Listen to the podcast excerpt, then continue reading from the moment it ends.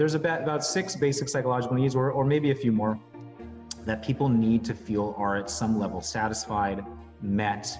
Um, if they're not, if if any one of them, let alone multiple of them, are not being met on a regular basis, they will feel that they are in conflict. They're in conflict either with themselves, with the world as an abstract, or with people as an abstract. And if and if I perceive someone or some force or some entity or some group as either threatening or impeding one or multiple of those basic psychological needs, I'm going to be in conflict with them. That was Jeremy Pollack, and you're listening to episode 305 of the Building Psychological Strength podcast, where we uncover the information, tools, and techniques to turn our mind into our most valuable asset.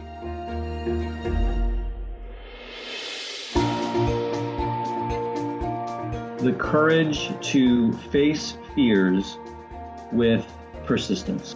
Being able to be present enough in this moment to choose my response thoughtfully.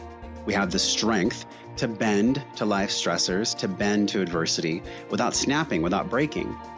There are only six things that contribute to our quality of life, and they are all experiences. In every moment, we are deciding who we want to be and how we want to live our lives noticing what your brain is doing and then being able to make choices. Mobilize the things that we know lift us up. Fear is not logical, it's primal. Hello, friends, and welcome back to the Building Psychological Strength podcast. My name is April Seifert, and I'm your host. One of the things that I love to do with this podcast is to dive into topics and areas that make us uncomfortable. Not because I want you to feel uncomfortable, but because typically, if I can find guests who work in that space, I can bring to you the best of the best, the most expert people in this area that make us feel uncomfortable so that we can learn from the best and begin to feel more comfortable, begin to have a better experience, to be more effective and intentional in that area that we don't typically enjoy working in. This week is one of those episodes. This week, we are focusing on conflict and conflict resolution. It goes without saying that there is not a single relationship in your life that will be completely conflict free.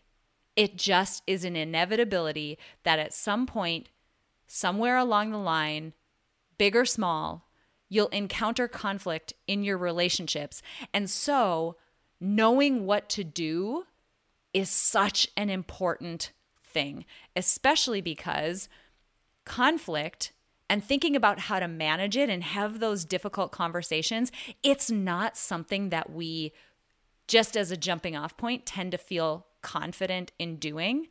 But the implications of being able to do it well are so big. The implications for our romantic relationships and being able to manage conflict there as a parent or in your job or you know with family members and managing conflict there.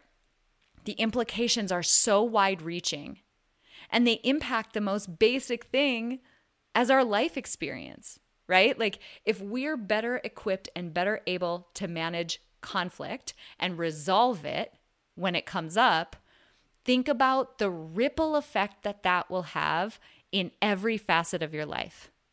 So I'm excited for you all to join me for this episode because even if you're not in a situation right now where you're in conflict with someone or there's an ongoing issue, there certainly will be, not to burst your bubble, but there will at some point in the future. And so I'm excited that you're here to learn some really great information and seriously good hands on techniques from this week's guest. Let me introduce them really quick, and then we're going to talk a bit about what we get into with this episode because you're not going to want to miss it. So, this week we're talking with Jeremy Pollack. He is a leader in the field of workplace conflict resolution and peace building. He's the founder of Pollack Peace Building Systems, an international conflict resolution consulting firm. He's a master coach, a master trainer, mediator, and author. And he coaches and trains executives and employees at all different levels and different industries, from Fortune 500 companies to major nonprofits.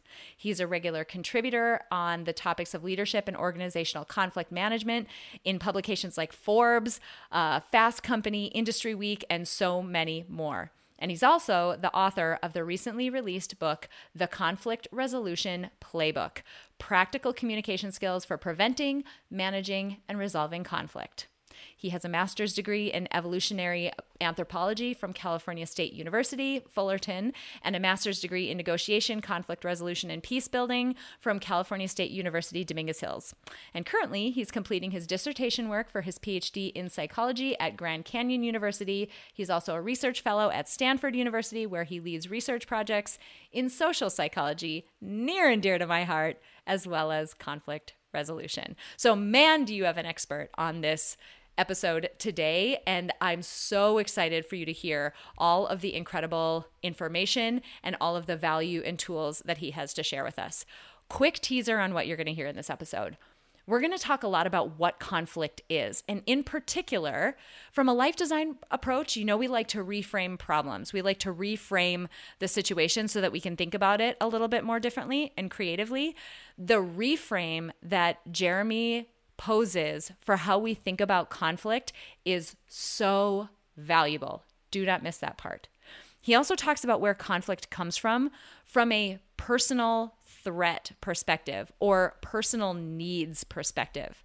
So we talk about how conflict arises when our basic personal, typically psychological needs are either not being met or they're being threatened in some way, or we think they are. We talk about the impact of all of the, I mean, broadly unconscious biases that we all just have because we are humans with minds and that's how minds work. We talk about the, how they interplay in conflict. And also, he gives uh, some just completely hands on. You can literally walk away and apply it today. Sequences and tips and techniques for having those more difficult conversations, managing conflict, and moving to a resolution that still stays inside your boundaries, still aligns to your values, but maintains the relationship with the other person. This is such an incredibly valuable episode. You'll also hear me making a lot of connections to past guests and past episodes I do that in this in the context of this episode because this is one of those times when all of these conceptual things we talk about like values as a concept. Yeah, values, those sound helpful and useful to have and identity. Okay, cool. Yeah, identity is a thing. That's a concept. That seems I don't know, probably useful to know about, etc., etc.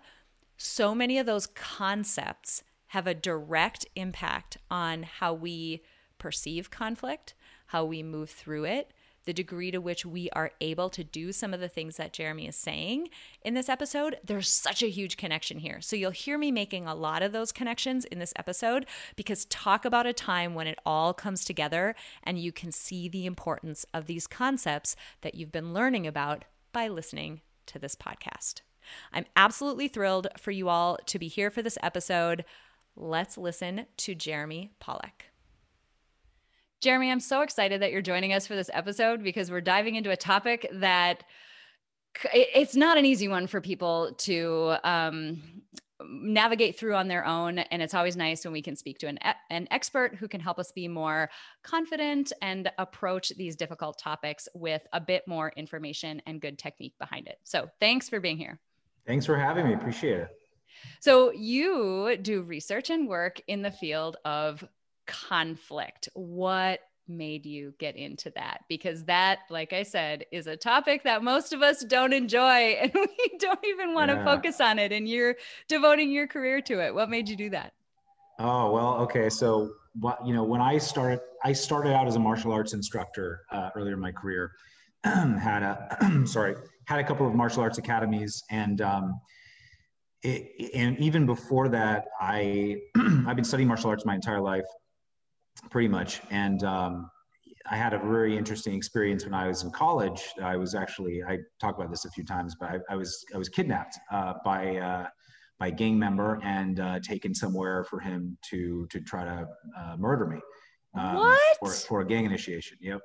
And so um, I, I, you know, that was a, a, very intense situation, of course. And I would, I had already been studying martial arts for some time at that point, but I was young. I was 18 years old, and um, and I had to, you know, I, I got to the point where I, I either, I knew that I either had to um, fight and potentially injure or kill this person to get away, or I had to try to figure out how to get out of that car without him, um, you know, stabbing me before I did so. So I actually ended up being able to get out of the car, jump from the moving car at about 30 miles an hour and roll and get up and run to safety, thank God. Uh, but that experience really sent me down a spiral of um, first, you know, in my own life, uh, questioning what what the meaning of life is. Like you know we're, we're so fragile and, yeah. and, and that kind of thing. And I, I got a little bit into a dark space for a while in college and then and that's when i found psychotherapy and, and i opened up a world of self-discovery. And so I process after processing that kind of incident, I got really interested in in just psychology in general, in my own psychology, and then eventually in the psychology of conflict, in the psychology of why are people, you know, why do people get into conflicts? Both, I was originally inter- interested in physical conflict, and that's you know what led me into really at martial arts as a career and, and opening up academy and then I and then I started while I was training martial arts and a lot of I was training fighters and and, and recreational martial artists, and um, I got into coaching work and uh, saw a coach, a personal development coach, and then a couple of my students asked me to coach them. I got interested in that, and eventually I started realizing that there was a lot of benefit in not just helping people resolve conflicts through physical defense, but helping them resolve conflicts through uh, through verbal de-escalation. And I got interested in verbal de-escalation techniques and then there was this wide field that I that I discovered called conflict resolution and peace building. And eventually, I went back to grad school and and got a master's. I first I got a master's in evolutionary anthropology, um, studying the group cooperation and conflict because that was really interesting to me. And then and then I went back and got another master's in uh, conflict resolution and peace building, which really opened my eyes up to the world of mediation, and mm. and especially transformative mediation, relational mediation. Um, and so yeah, so that's that's how I mean I think I think that event probably was the catalyst for really being interested in the psychology of why people get into conflicts and and how those manifest and and what techniques could be used to to sort of resolve some of those conflicts. I, I did my best to resolve that uh, peacefully um, uh, through talking, and and unfortunately it didn't work, and so that wasn't the right strategy. And I talk a lot about you know making a deliberate choice about your strategy um, and what the right strategy is for each situation. And so I tried conflict resolution, didn't work, so I so I was able to instead um, use my flight, uh, escape. Um, and if that wouldn't have worked, then I would have had to, to fight, unfortunately. But thank God wow. that didn't happen. Yeah. Wow. Okay. I was not ready for that. That was not what I was expecting. That's that amazing and it's it's interesting because you know when you talk to people who have gotten deep in the field of psychology to the point where they've gone to graduate school and really spent a lot of time studying and and even contributing their own research, right? Uh, there oftentimes is some type of personal connection to you know why yeah. is it that that experience impacted me that way or why is it that i react this way when other people react in this different way and so you start to get inquisitive about it but it's so interesting that this really difficult challenging event led to something that is so helpful for so many people that's just awesome why don't we yeah, go there yeah. then? Well, I mean, and just oh, go for it. I was going to say just, just just the fact that that you know uh, you know analyzing it years later of just looking at this the individual who was ready to murder me had no idea who I was. He had basically dehumanized me, and it was because of his own needs for affiliation, for family, to be cared for. And that's why he was in a gang. That's why people join gangs is because they need that feeling of protection and safety and care and, and identity as part of their groups. And we can see this everywhere in society. We don't have to be in violent gangs. We can see this in our social groups. We're we're part of these groups, and we identify deeply with our groups, our social groups, and uh, whether it's our ethnicity or race or nationality or, our gender groups, etc. and we form identities around them and we become very defensive uh, uh, around them and we're willing to do sort of very weird strange wild sometimes violent things in defense or in uh, in, in, in towards the advancement of our groups. And that that's what really led me into anthropology is because i was really interested in group psychology. So yeah anyway that's that's uh that's that's i still i still think about about how how the how these group dynamics and group psychology plays into conflict whenever we're in conflict. Oh absolutely. We talk a lot actually on this podcast about so i was in the the cognitive side of social psychology so social cognitive work around um, how we think store information about these social groups that either we are a part of or are an out group to us like a group mm-hmm. that's not one that we would consider ourselves to be a member of and we talk a lot about how that does morph into sort of the the cognitive construct that we develop about ourself like mm. who am i what do people like me do what do we not do what should and shouldn't we can and can't we do yeah. and the way that that guides our behavior and even just the lens through which we see the world the ways that we make decisions, it's just incredibly powerful. And I can imagine that that has a lot to do with the work that you've focused on, both at the group level and at the individual level. Yeah. Those, those, those forces, those psychological forces are so strong in terms of determining our behavior. I think that's yeah, really cool. Yeah.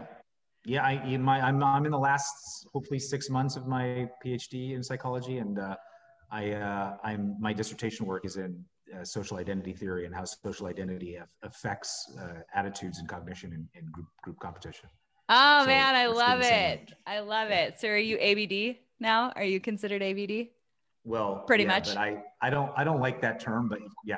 Yeah. Yeah. yeah. every, every, every, everybody that, that I study with says ABD is means basically nothing. Yeah, it does until you get your PhD. yeah, what, anybody can really kind of go through the courses. You know? Yeah, I totally hear you. I love it. Okay, so um, let's talk about just some of the basics and make sure that we have a good lay of the land because we've got an expert here who has studied, uh, you know, the really great information and research behind it. What is it that causes conflict? Like, you know, none of us want to be in conflict. If you talk to people, like they they want to be free of quote unquote drama. They don't want to mm-hmm. have to, you know, fight people. We don't like to have that type of conversation in general. Like um, more um, well, like conflict type conversation. We don't like yeah. that. Yet here we find ourselves in that situation often. So, what is it that actually leads to conflict with people? Yeah, you know, let me. I'm, I'm going to answer that in a second, but let me let me uh, address the not liking conflict thing. So yeah. this is this is a major thing that we talk about in conflict resolution is ref- starting from a baseline where we reframe what conflict is and what it means. And of course, a lot of people don't like to be in conflict because conflict becomes it feels stressful. Yes. We don't like to feel we don't like to feel overwhelming stress. And so, if we could come to a place where we start to reframe conflict and perceive it in a way where we say, instead of conflict being a negative thing that I don't like, I don't want to be in it, we start to reframe it and say, wait a minute, every time that there is tension or friction or conflict, it's just an, an opportunity for a world of growth. Ah. This is bringing to surface things that need to change for us to get even better in our relationship, as a human being, etc. If I notice conflict in myself, it's because things are going on and I need to bring them to the surface so that I can, I, there's an opportunity there to better myself, to grow healthier in some way. Same thing in a relationship. If there's a conflict there, there's an opportunity to grow deeper or healthier in our relationship. So if I can start to reframe it and really think about conflict differently, like it's not a bad word anymore, um, it actually, it opens up a world of possibility and it doesn't have to feel so stressful. So I'll just I'll I'll I'll I'll, say, I'll, I'll start with that. But in terms of what conflict is, conflict the way that I look at conflict, and there's there's a a, a large group of people in the conflict field that look at it, it through a human needs perspective. Mm. Um, and if you look at some of the, you know, old, you know, sort of Abraham Maslow, some, some of the psycholo- psych, from a psychologist lens, but also from an economic lens, um, there's been a lot of study around what what basic needs human beings have. Um, in conflict, what I'm talking about, interpersonal conflict or intergroup conflict, usually it's we're talking about basic psychological needs. Mm-hmm. And so there's just a, a, sort of I, I think there's about six from what I've from what I've studied, and I've studied this for a while. But there's about about six basic psychological needs, or or maybe a few more, that people need to feel are at some level satisfied, met. Um, if they're not, if if any one of them, let alone multiple of them, are not being met on a regular basis, they will feel that they are in conflict.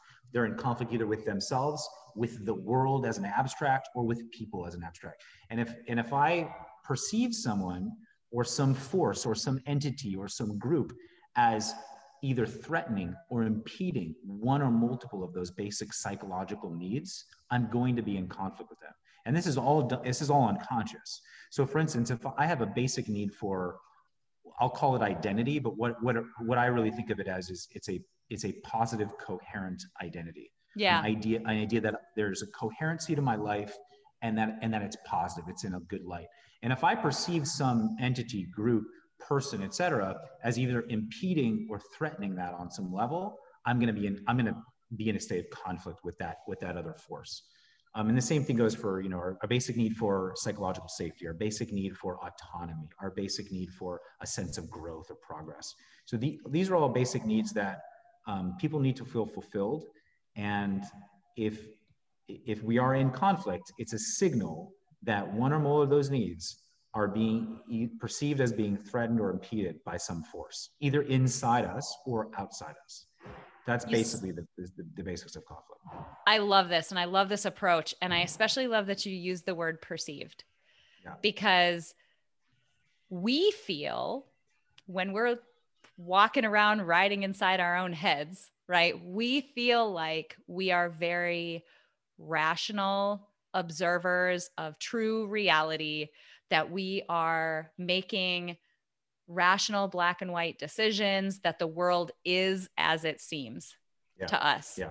Yeah. And we see time and time again, guest after guest on this show shows us in mm-hmm. dozens of different ways that that is not the case. Yeah. And it's interesting because when you think about the ripple effect of what conflict can cause.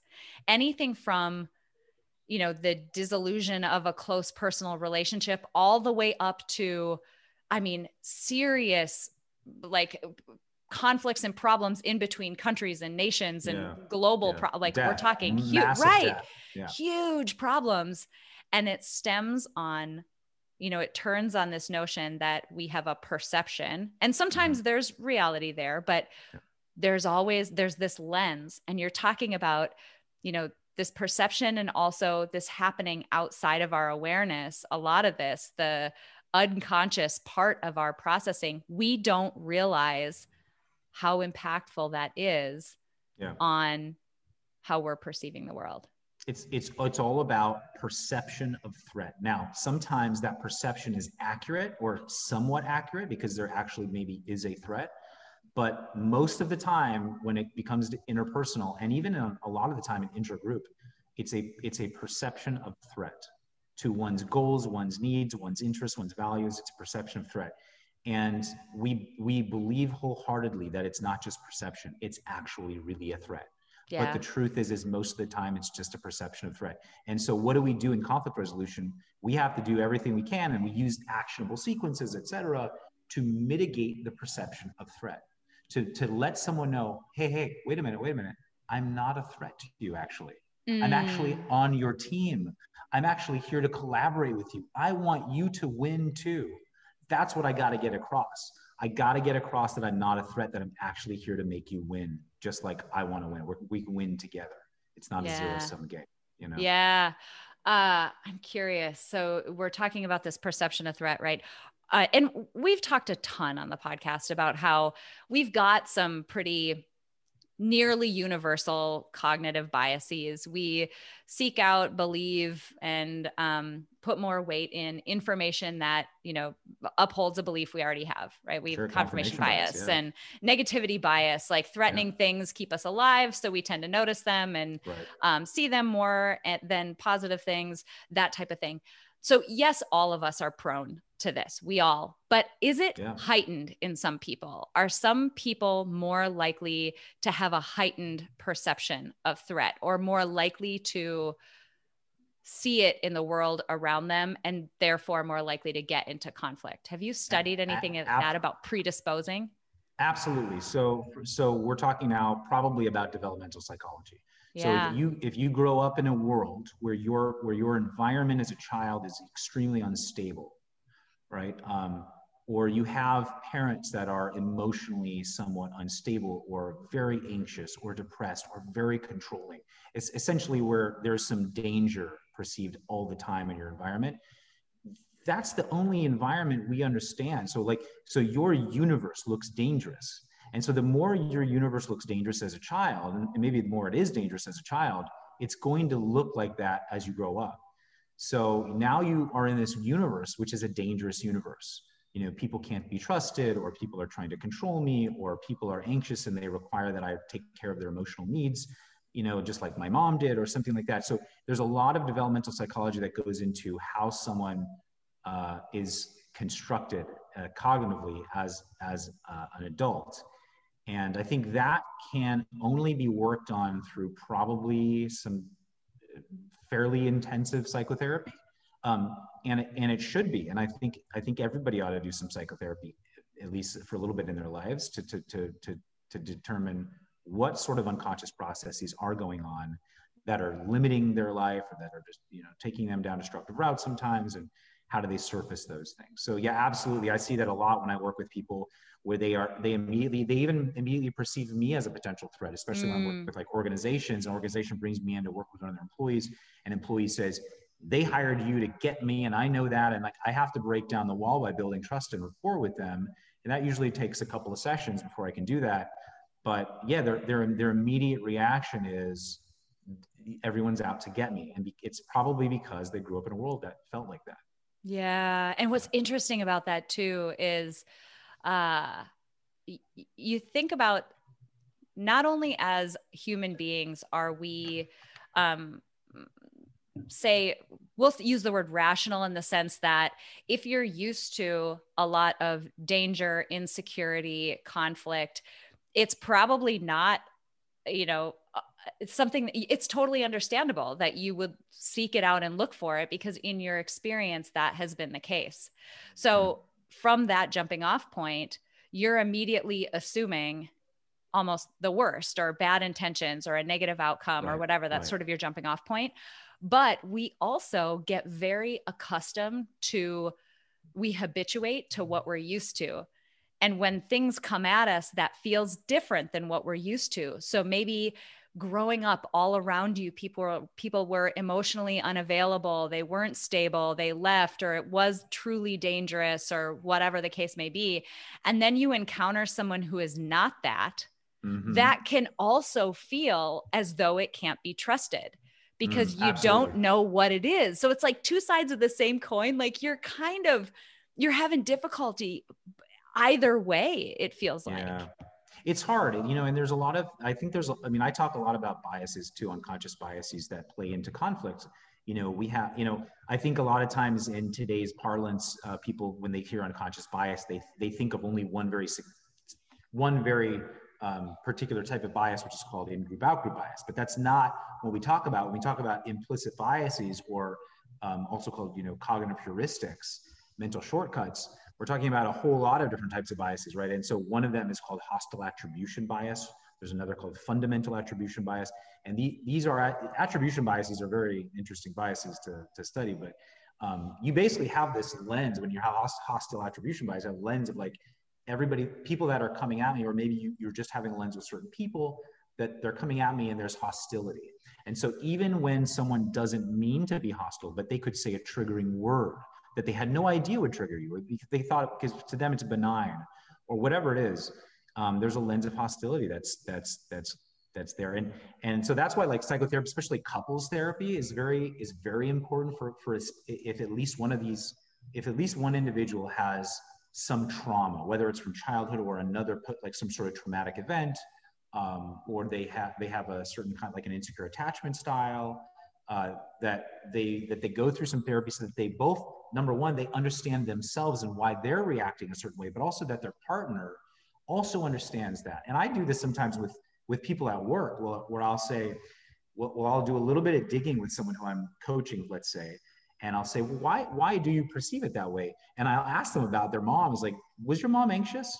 You know, and mm. yeah, my mom was very anxious. I'm like, okay, so you have this sense that you need to take care of other people's emotions because that was what was required from you as a child in your in your childhood. And I and I and I I would suggest that if you have a business partner, like a, like a, let's say I'm talking to someone as a business partner, they they're not getting along with their business partner because they resent them because they always have to take care of everything for them. I would suggest that you be a little vulnerable and you tell your business partner, hey, I'm working on some stuff. I I'm actually figuring some stuff out myself, and I notice that I have this tendency to try to take care of other people's needs, i.e., I'm codependent. Um, and and so I'm going to start. I'm going to work on that. But I realize that it's not your fault. You're not asking me to do it. You know. So being vulnerable and bringing that stuff out to the surface is important for couples. It's important for business partners. Sometimes for coworkers to really understand your own psychology and and expose it on some level so that you understand each other. So you're not just assuming the worst from each other. You're actually going, wow, this guy doesn't, he doesn't mean that. He doesn't, he didn't mean to attack me. He's, that's just his stuff. And I know mm. it's his stuff because he's told me about it. And we we have that relationship where he's told me about the stuff that he deals with psychologically. So I, I don't know that, that to me is a, I mean, it's a deeper process, but I think it's really effective. Oh gosh, I, I can imagine. And it's funny because what you're suggesting is being open about something that is deeply personal in yeah. situations where we aren't accustomed to opening up about that. Sure. Yes. But think about all of the conflict that can be avoided if we understand where each other is coming from, just as a jumping oh. off point. Again, like, hey, I know April is just more prone to assume XYZ. So let me just make sure that we get that right out on the table in the beginning or yeah. you know she'll be more prone to jump in and just take charge and do it. Maybe i need we just need to divide up and just everybody needs to know what they're doing. It, it opens up a world of compassion. Yeah. it also opens up it opens up the idea that i don't need to take her behavior personally. Yeah because it's not about me it's about her. It's what she's going through and i know that now you know yeah. Uh, so, for folks listening to this, if you are interested in this attribution stuff, some of these more unconscious processes, that type of thing, you might want to check out, and I'll link to it in the show notes as well. Episode 281, we talked to Richard Nisbett, who is like, the OG of a lot of this attribution work. I mean, he's been in the field for decades and decades. You can't take a Psych 101 class without, you know, getting hit with his research on multiple occasions. So we spoke with him, and that's just an interesting conversation in terms of some of the more fundamentals. Mm-hmm. You know, mm-hmm. in that episode, I said he's made this huge contribution to the field because a lot of, I mean, this work, which seems like it's a completely different track of research, it is, but it's built on some of that foundational sure. work. So yeah. had to go there. Um, I'm curious now. Okay, so we're in conflict. Let's say we haven't done what you just suggested. We, uh, it wasn't something that we could avoid. Here we are. We're in this conflicted situation. Are there things that you would suggest to people, like when they're in conflict, like ways that they can, um, either things that they can do for themselves or for other people when they're just they find themselves in that situation? Unfortunately. Yeah, yeah.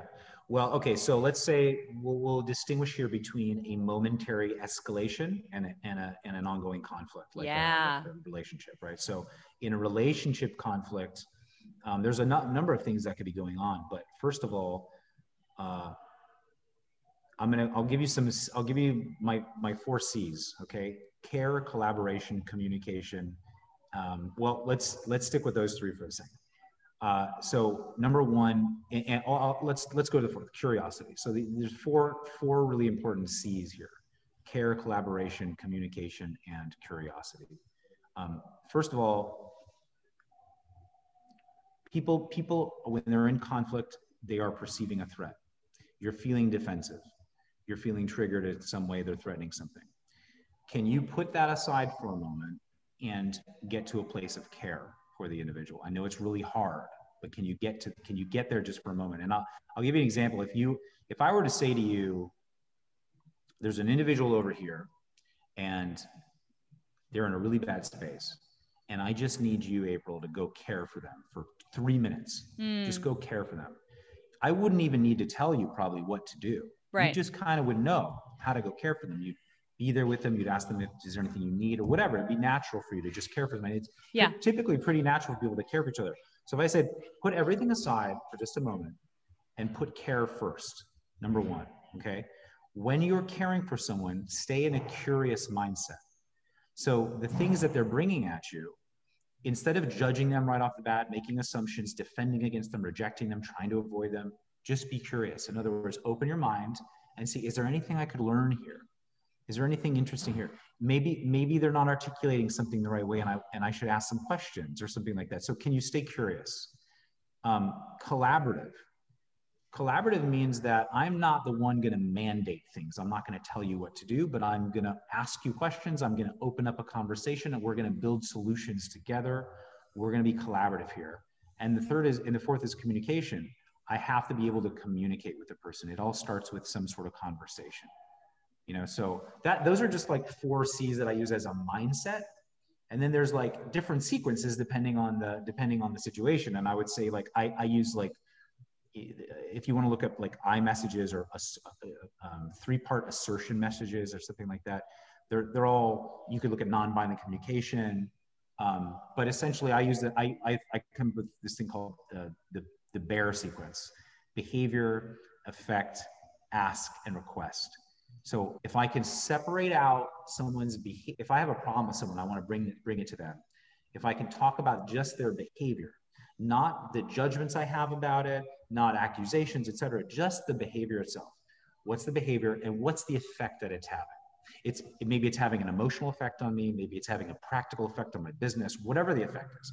So when you say this or when you do this thing, and I'm not gonna I'm not gonna use adjectives. I'm not gonna say when you're when you're rude or and I'm not gonna be abstract. I'm very specific and not use adjectives. So when you talk over me, or when you show up late to the meeting, or you know whatever when you when you uh, when you don't call on me at the meeting right so just pure behavior um, it has this effect it makes me I, I feel this way or the business tends to slow down or other people start talking and it's more it seems less efficient or something like that. And then i would ask this is the collaborative part. What what do you experience during that? Or what did you notice during that? Or do you do you see it the same way? Do you feel the same way when you're in that? I noticed that you know you it's it's you seem frustrated or agitated during it. Are you? Are you frustrated so you're asking questions and then you can make a request. Say well if i you know if i requested that you did this would that be okay with you? Or you know what do you think we should do can you make a request of me like what, how do you think we should change that so it's a very collaborative process so i'm separating out behavior from my interpretation of the behavior and just labeling the behavior and then telling them the effect it's having and then I ask them what their experience is or ask them if they're noticing the same thing. And then I make a request or ask them if they have any requests. So that's yeah. my bear sequence. I love, I love your, especially the separation of the, uh, when we talk about it, we talk about like just the facts. So it's a just very, facts, yeah. almost like a CBT sort of approach, right? right? Uh, cognitive behavioral therapy for those who don't know that acronym. Um, it's, it's a way of saying, this is what I can see, hear, smell, taste, touch. These are just the facts of what's happening. I'm not going to add a layer of whether I think that is a good or a bad thing. I'm also not going to future cast or predict or try to fortune tell why I think it might have happened. I'm literally yeah. just going to stick to the things that I, from a sensory perspective, see, hear, smell, taste, feel happening. Yeah. And, you know, we, we also don't realize, and there's an art form just in that. There's a skill just in that. We don't realize how quickly, unconsciously, effortlessly we add interpretation because it's mm-hmm. one of our mind's biggest adaptations is to be able to interpret, try to predict, put yeah. a why behind it, find quote unquote patterns, even if there aren't any there. Um, it's a skill in and of itself to do just the first step of what you said and yeah. stick to just the facts. Yeah. If you can just label because the what you'll do if you don't do that, if you if you end up if you end up adding in adjectives, i.e., your interpretations, judgments, assumptions, predictions based on the behavior you saw, if you add those in, it's going to throw the person right into defense and you'll get nowhere. There won't be any collaboration. Yeah. So don't make them bad or wrong when you when you bring up a conversation don't come into it with like you're bad you're wrong you did something wrong don't come in with that just say here's the behavior typically it's something that we both can agree on hey when you showed up late to the meeting we can both agree you showed up late to the meeting. That was a fact right? It's not good or bad. It was just the fact. Here's how it affected me or here's how it affected the meeting or something like that. So can you yeah that that's super important. Yeah. I'm curious now. I'm, I'm going a little bit off the rails a bit. So forewarning. Uh, but i'm curious about the interconnection between this um this sequence that you talked about. So behavior affect ask or behavior effect not affect. Behavior effect ask and request. I'm curious about the intersection between that or even just an approach to resolving or managing or moving through conflict and how that intersects with our boundaries and how we might have intentionally set them. Because you can imagine a situation where maybe you are dealing with a friend, colleague, family member, someone in your life who um, if without approaching it from a collaborative standpoint would want more from you than you're able to give would overstep in a way that you just aren't comfortable with would want you to do things that you for one reason or another just simply cannot do how do we it feels like a delicate balance there between being able to resolve the conflict but then also maintain a boundary that we may have set intentionally. Have you stumbled across any of that? And do you have any wisdom there? Because that feels hard to me. Yeah, well, I, I think setting boundaries is such a key component of psychological strength.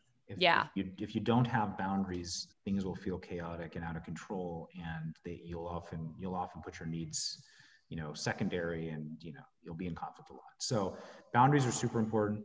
It almost sounds like we're talking about so there's a sequence that I used um, that's uh, parallel with the conflict, that conflict uh, resolution or like a difficult conversations approach. And I call it an idea feedback.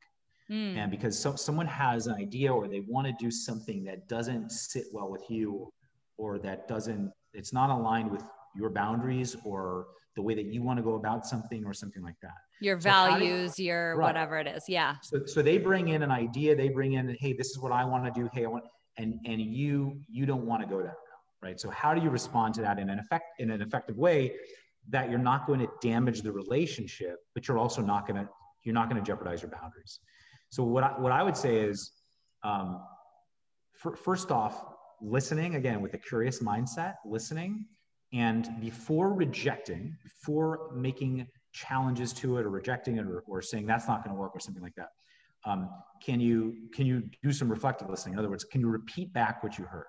Okay so you want to do xyz so I, I, I don't know if you want to give me an example but we can we could do it in real time uh, if you want but like uh, but like basically i would repeat back what i heard from you right? Yeah yeah. Um, and then and then before again before jumping into anything else once i once i repeat it back re- what repeating does it a it gets it makes you know that you you were heard and b it makes me know that you were hurt so so if i didn't get it right you have the opportunity to go no no that's not what i said right? Yeah so at least we're on the same page okay?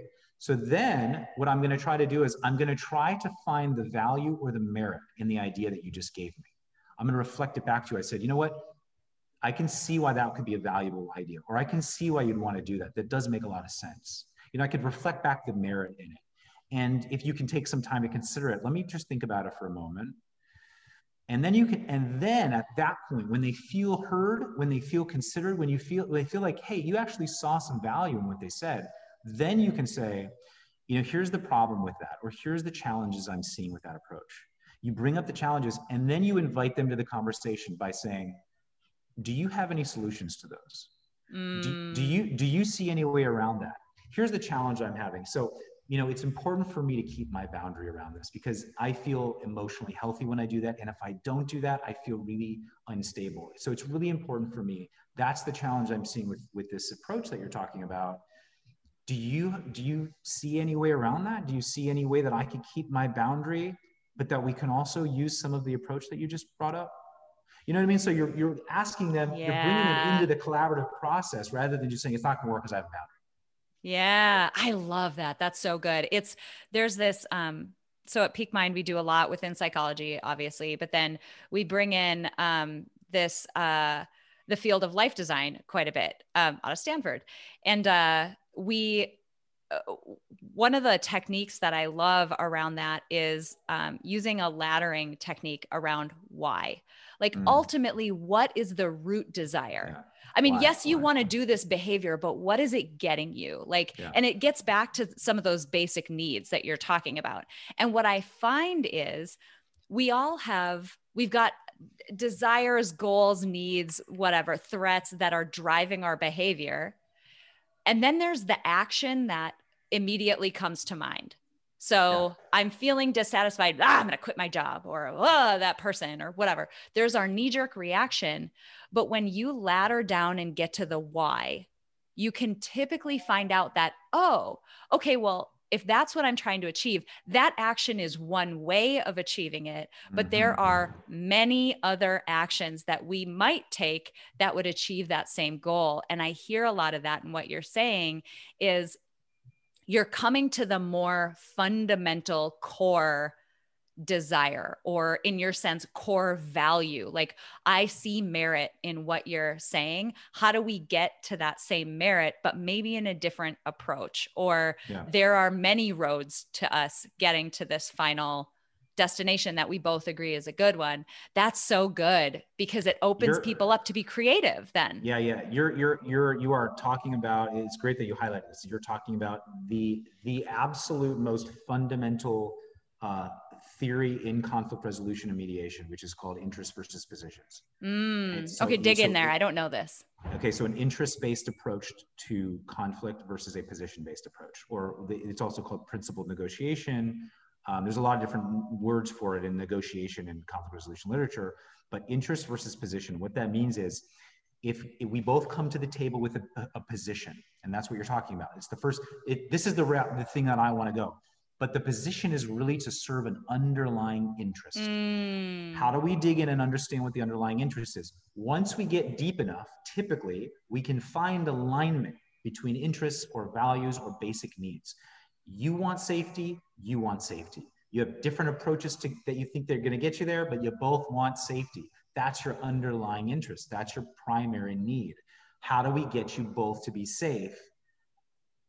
Outside, thinking outside the box of the positions you came in with let's get creative let's start thinking outside the positions so that's so that that is the creative collaborative process in conflict resolution how do we find the underlying interests how do we think outside the box to create new potential paths to get those interests met rather than the positions you came in with originally Uh, I love that. And that also feels like another amazing way to foster compassion Mm. when you can look at another person and realize that you both have a very similar, completely understandable desire or need or goal. You know, when we talk about compassion, a lot of the time we call it the of course factor. Like, of course you want that yeah what human yeah. doesn't want that Yeah. of course and we aren't going to end up having time get to get into it on this episode but i just want to put a teaser out there and get people thinking creatively and maybe you have even just a few short comments on it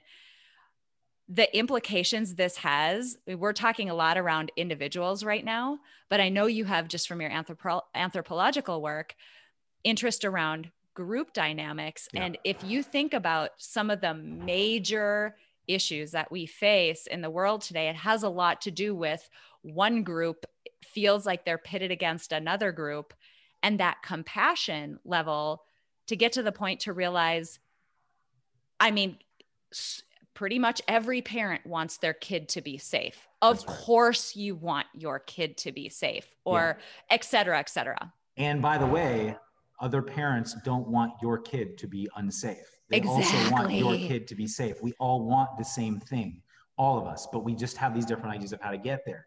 And that's what's being talked past again a lot you know? Yeah, yeah, no I, I listen i've the the mo you you you you know you talk about there's a there, there, can be a moment of epiphany when people align on the on the basic interests of the basic values. I've seen it in my in my work. I've seen you know uh, tough female executives who work together break down crying who have been in conflict for a year and they break down crying when they realize that they have the same value. When one of them says to the other you know the reason that i'm so uh, the, the reason that I'm so standoffish with her, the reason that I'm so aggressive sometimes or whatever, is because I don't feel valued and I just want to feel valued here.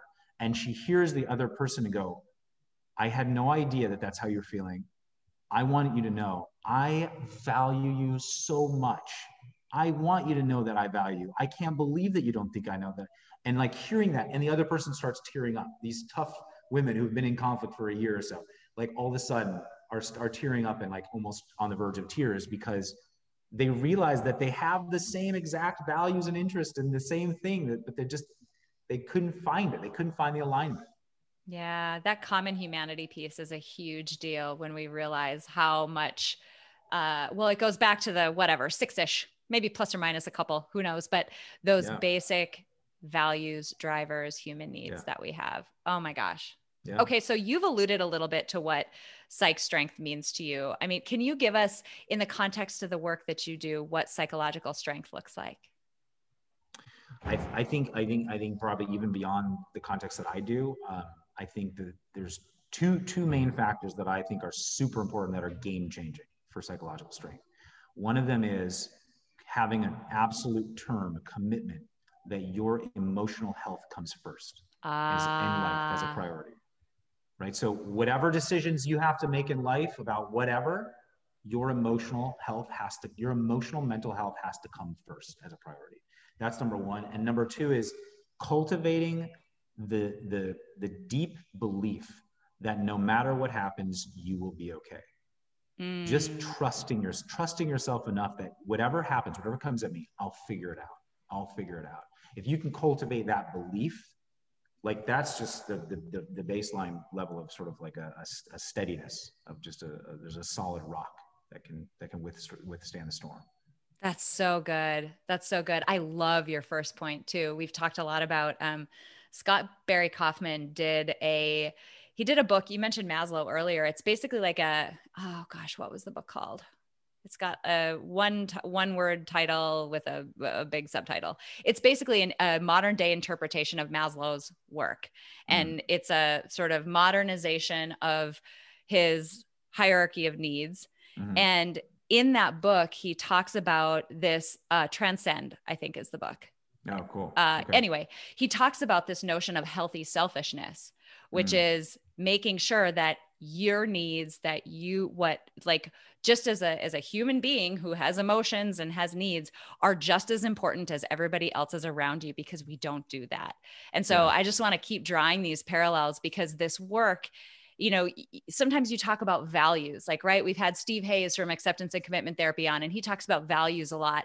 You know we've talked to nisbett around this un, this unconscious stuff. We've talked about healthy selfishness whatever. And sometimes as a concept those things are like oh, yeah, yeah. Okay, cool. Yeah, sure, whatever. But where the rubber hits the road is in your relationships and the way that you show up to them or how mm-hmm. capable and confident you feel about navigating conflict. Because who doesn't have to do that? Where these things get truly critically important is in our own behavior and how we put them into practice in all the different facets of our lives. So yeah. I wanted to make sure we made those connections because this is one of those times where this impacts your job, this impacts your romantic relationships, parenting, like family yeah, stuff, yeah. like everything. I, I made it. I made it. You know, my my coach when I I've been seeing a coach for many years, and he he talks a lot about terms, these non-negotiable, unalterable terms. that You have to, yeah. Like, you have just a few of them, maybe four or five of them that you live by. They're like roadmaps. Like every decision you make in life, you check in with those terms. And my number one term, and this is this was the game changer for me, was my emotional health comes first. And when I when I set that, that is an absolute boundary that I will not budge on. It doesn't mean that sometimes I'll put someone else's needs ahead of mine for just a, a very temporary space because it's an emergency or whatever it is. And it also doesn't mean that I'm selfish or that I don't think about other people when I make decisions or anything like that. It doesn't mean any of that. All it means is that I have to think about my emotional mental health as a priority. Because if I don't do that, I'm not going to show up the kind of man that I want to be for my wife, for my for my employees. I'm not going to show up the kind of the kind of person that I want to be in terms of being able to help people. I won't be able to give any of that if if I'm not in a stable place. So I have Mic to drop. Mic drop on that one. That's so good. Okay, people are Googling you right now. So you can just tell them exactly where to go, where they can find more about you, about the work that you're doing. Uh, how do we learn more? Uh, yeah, you can go to our website. It's pollackpeacebuilding.com. Uh, that's my company's website. Um, I'm also at coachjeremypollack.com. And then uh, my, my book is out and uh, you can find it at bookstores, Amazon, et cetera. It's called The Conflict Resolution Playbook. I love it. This is so good. This has been so useful, both from just like the nerdy perspective of let's unpack something that we all, you know, deal with on a day to day basis and understand it a little bit more deeply, but also so actionable, so impactful. I know that from listening to this, you can walk away and you know with a little bit more confidence that you can handle some of these more difficult conversations with people, especially when they're important and when there's a lot on the line. So, yeah. thank you so much for being here. This has been fantastic. Thank you for having me. Appreciate it. It's a simple fact that nearly everyone in the world could benefit from building psychological strength, but not everyone will put in the time and effort to do so. But today you did. Thank you so much for listening to this episode of Building Psychological Strength. Now, if you're interested in building the mental toughness, confidence, and resilience you need to thrive through life's ups and downs, visit us at www.peakmindpsychology.com. Also, if there's someone in your life who could benefit from this episode, please share it with them. And if you yourself found this episode valuable, meaning if you took away even one insight that you can use to build psychological strength in your own life, we would so appreciate it if you would drop us a rating and a review on iTunes. The thing is, the more ratings and reviews we have, the easier it is to get this powerful and important content out to the people who need to hear it. Remember, your mind can be your most valuable asset or your biggest liability, and you get to choose. So choose wisely, my friend. And I'll see you next time on Building Psychological Strength.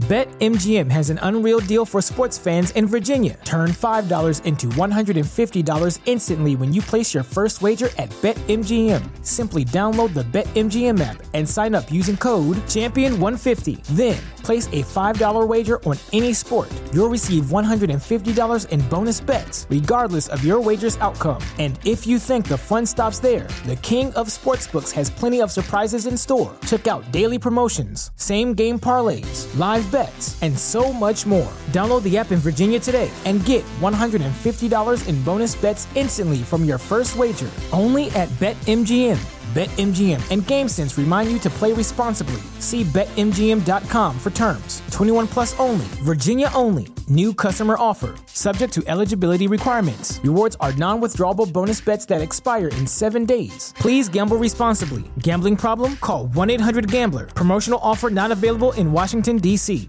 At Parker, our purpose is simple. We want to make the world a better place by working more efficiently by using more sustainable practices, by developing better technologies, we keep moving forward. With each new idea, innovation, and partnership, we're one step closer to fulfilling our purpose every single day. To find out more, visit parker.com/purpose. Parker, engineering your success.